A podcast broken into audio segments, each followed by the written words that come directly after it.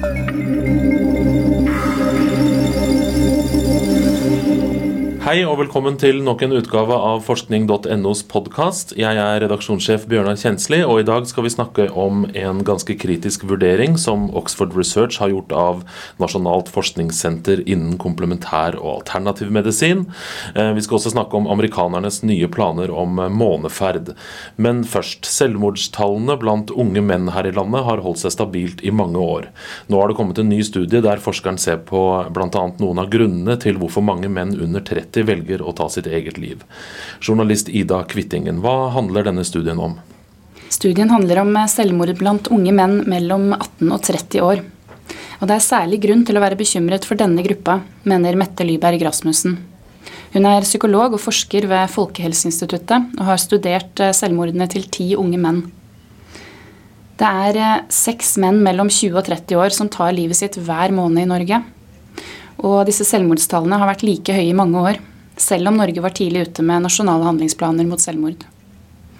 Rasmussen og kollegene har intervjuet de etterlatte, som foreldre, søsken, venner og tidligere kjærester. De har også studert seks avskjedsbrev, og de har prøvd å forstå hvorfor mennene tok sitt eget liv. Og hva fant forskerne om eh, årsakene til at de tar sitt eget liv? En særlig sårbarhet hos disse mennene. De taklet dårlig det å ikke lykkes med målsetninger, eller det å bli avvist. F.eks. For i forbindelse med at det ble slutt med kjæresten, eller at de opplevde nederlag på skole eller i jobb. I slike situasjoner så oppsto en sterk følelse av skam og mye sinne, som de unge mennene ikke klarte å håndtere eller regulere. Mennene hadde fokus på prestasjoner i livet, men det var ikke det at de satte seg så høye mål det var det at følelsen av å ha mislykkes som person var sterk hvis de ikke nådde disse målene sine. Og da ble selvmordet en vei ut av en situasjon der de opplevde en uutholdelig psykisk smerte. Mm. Men dette var ikke menn som hadde noe psykisk lidelse? De hadde i hvert fall ikke tidligere vært i kontakt med helsevesenet for å få hjelp med psykiske problemer. Og de hadde ikke prøvd selvmord før. De var tilsynelatende velfungerende. Omgivelsene visste ikke at de tenkte på å ta livet sitt. Det var altså vanskelig for familie, venner og tidligere kjærester å forstå at de var i alvorlig krise. Eh, kommer forskeren med noe som er viktig å huske på når eh, vi skal forebygge selvmord som samfunn eller som, eh, som medmennesker? Ja, Vi må ikke tenke at det bare er dem med psykiske lidelser som begår selvmord. I hvert fall ikke bare dem som har hatt kontakt med helsevesenet i forbindelse med psykiske problemer. Andre studier viser at eh, inntil 40% av dem som tar livet sitt, eh, ikke er registrert med noen psykisk sykdom. Og disse tilsynelatende velfungerende unge mennene kan likevel ha store problemer. Og det er viktig at eh, omgivelsene er oppmerksomme på også små signaler. De etterlatte i studien til Rasmussen og kollegene forteller om noen indirekte tegn i perioden før selvmordet. De opplevde at mannen uttrykte desperasjon og snakket om ting han burde håndtert annerledes. Forskeren mener pårørende og nære personer kan være viktige for å møte mennene i denne fortvilelsen. At de må ta tak i uttalelser de stusser på, magefølelser som gjør dem urolige. Og så må de utforske dette nærmere ved å ta det opp direkte med den det gjelder. Rasmussen mener også at det offentliges forebygging av selvmord ikke bare må skje innenfor helsevesenet, men at man også må prøve å nå ut til de mennene som aldri er i kontakt med helsevesenet. Tusen takk skal du ha, journalist Ida Kvittingen.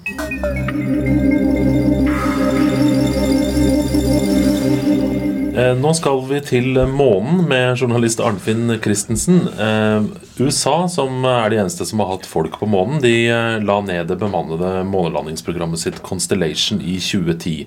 Men nå ser det ut til at de sikter mot månen igjen, Arnfinn? Ja, det begynner å skje nå.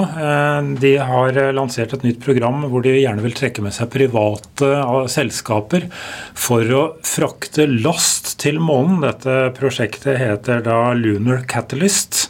Og det går ut på å frakte enten små laster, um, ja, sånn omkring mellom 30 og 100 kg, eller litt større laster fra et kvart til et halvt tonn da, til månen. Mm. Og Det er et eh, prosjekt hvor altså private selskaper skal gjøre jobben, på samme måten som f.eks. SpaceX nå gjør med, med sin eh, Falcon-rakett og Dragon-kapsel når de forsyner romstasjonen med nye varer. Mm. Men disse private firmaene de skal ikke få noe penger av NASA, eller skal de betales av NASA? Nei, altså det blir eh, NASA sier bygg den, denne månefraktefarkosten for oss og gjør det sånn som dere selv vil. Dere får ikke noe penger av oss, men dere kan få all den faglige hjelp, eller iallfall mye av den faglige hjelp dere ber om. For NASA har jo hatt en del sånne prosjekter sjøl hvor de har eh, prøvelaget små eksperimentmånelangsfartøyer og gjort mange erfaringer. Og de har programvare og masse erfaringer fra eldre måneferder. Så det kan disse firmaene få lov til å bruke. da. Mm. Kineserne holder jo på på månen om dagen. De har en eh, månesonde, Chang E3, eh, som står i Mare Imbrum nå. Og ja. så har de en månebil, denne jadekaninen, ja. som det ikke går så bra med om dagen.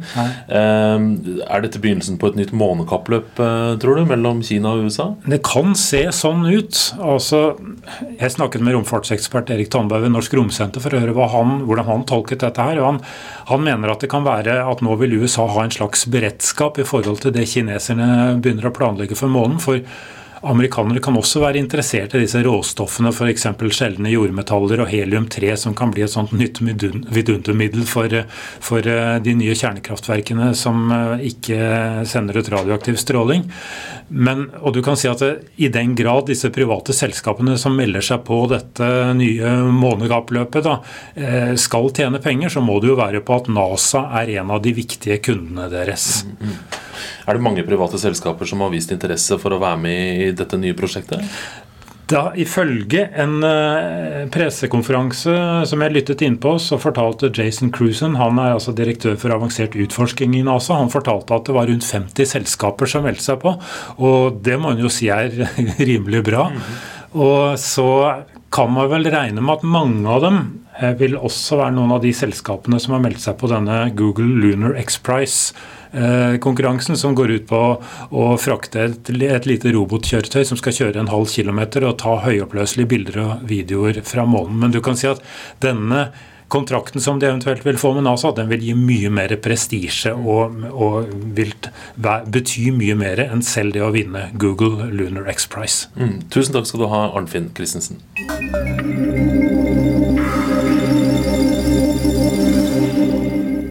NAFKAM, eller Nasjonalt forskningssenter innen komplementær og alternativ medisin, er et senter som skal se nærmere på alternativ behandling som akupunktur og homeopati. Senteret har holdt på i tolv år, og nå er det evaluert. Redaktør i forskning.no, Nina Kristiansen. Hvordan gikk evalueringen av NAFKAM? Ja, sånne evalueringer er jo litt sånn at ja, på den ene siden så er dette bra, og på den andre siden så er uh, dette bra.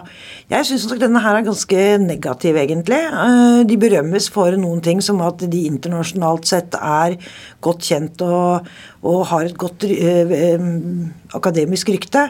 Men når det gjelder en av hovedoppgavene, altså hvordan henvende seg til brukerne av alternativ behandling, så må man vel si at de har feila. Mm. Hvem er det som har gjort denne evalueringen? Det er et uh, firma som heter Oxford Research. Sånne ting uh, går jo ofte på denne måten at Helsedirektoratet, som er oppdragsgiver, de setter ut på anbud. Hvem er det som kan tenke seg å evaluere NAFCAM? Og så vinner da, uh, i dette tilfellet, Oxford Research anbudet og, og, gjør en jobb. Og det er en veldig bra evalueringsrapport. Den er veldig grundig og god og lett å lese. Mm. Og ganske kritisk. Mm. Eh, NAFKAM eh, nå etter tolv år med forskning på, eh, på, alternativ medisin, har de funnet ut om homeopati eller akupunktur fungerer? Ja, da er det jo to spørsmål man må undersøke. Det ene er fungerer f.eks. akupunktur på samme måte som penicillin? Og skal man undersøke akupunktur på samme måte som penicillin? Altså skal man ta en gruppe folk som ikke veit om de får penicillin eller sukkerbiller, eller akupunktur eller tullenåler, og så ser man virker det eller virker det ikke. Men det som er litt spesielt med å forske på alternativ medisin, er at du har jo også eh, placeboeffekten. ikke sant? Det er at Hvis jeg tror at disse nålene hjelper, ja, så hjelper de meg. Hvis jeg tror jeg får penicillin, så kan det faktisk eh, hjelpe meg. Og den effekten er jo kjent for å være veldig stor når det gjelder alternativ behandling.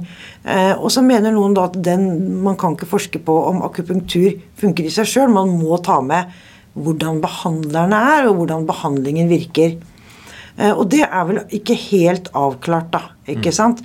Eh, evaluatorene, som altså Oxford Research, er nok ganske sånn opptatt av at de ikke ser nok på kliniske testing av behandling. Mens de sier at ja, men vi må se på hele pakka. Mm. Men finnes det kliniske tester av denne behandlinga som de kunne sett på, eller er, eller er NAFKAM sitt oppdrag da på en måte gjøre disse kliniske testene? Ja, men du vet et lite senter i Norge klarer ikke å liksom høvle over alle mulige slags Det er jo hundretalls eh, alternative behandlingsmetoder, så de kan jo bare bidra litt. Men det de gjør, er å henvise til internasjonale studier som gjør nettopp det. Som tar alle, all forskning på homopati, setter det sammen, ser dette, dette er den gode forskningen, og dette er den dårlige, den tar vi bort. Hva er det som står igjen? Eh, og det henviser jo NAFKAM til, da. Eh, og da er det jo ikke så lett å si at det er eh, stor virkning, men det er de så tause rundt. Altså, de har en sånn nøytralitetspolitikk som blir kraftig kritisert i den eh, evalueringa. Som er sånn at De skal liksom ikke ta stilling mot eller for. ikke sant? Her er det steile fronter hvor skeptikerne mener at du skal ikke forske på dette her i det hele tatt. Og behandlerne sier det er jo ingen som er opptatt av den gode jobben eh, vi gjør, og den effekten vi har. Og liksom i de to litt ekstreme leirene da, så, så skal NAFGAM navigere. Og så skal de ikke støte noen, og da mener jeg faktisk at de blir uvesentlige. Og det mener evaluator også. Mm. Men ideen om et sånt senter som eh, forsker på alternativ medisin, og så forteller eh, oss eh, vanlige dødelige hva de finner, høres veldig lurt ut. Alternativ medisin er en kjempebusiness i både Norge og i verden. Og det, og det for meg å kunne finne ut hva som funker og ikke, det er jo ganske viktig. Har NAFKAM forandra hvordan vi nordmenn ser på alternativ medisin på noen måte? Ja, da sier Oxford Research, da, som har gjort eh, denne evalueringa, at eh, skeptikerne som mener at man ikke skal forske på dette her i det hele tatt, fordi da gir du det legitimitet, de er eh, minst like skeptiske. Alternative behandlerne, som lengta etter et sånt senter som skulle ta dem på alvor, de er dypt skuffa. Og vi andre, vi som da bruker eller ikke bruker alternativ medisin, og alle helsepersonalet, vi aner ikke at NAFKAM fins. Så det er jo ikke akkurat en god dom å ta med seg etter tolv års virksomhet. Nei. Tusen takk skal du ha, redaktør Nina Christensen.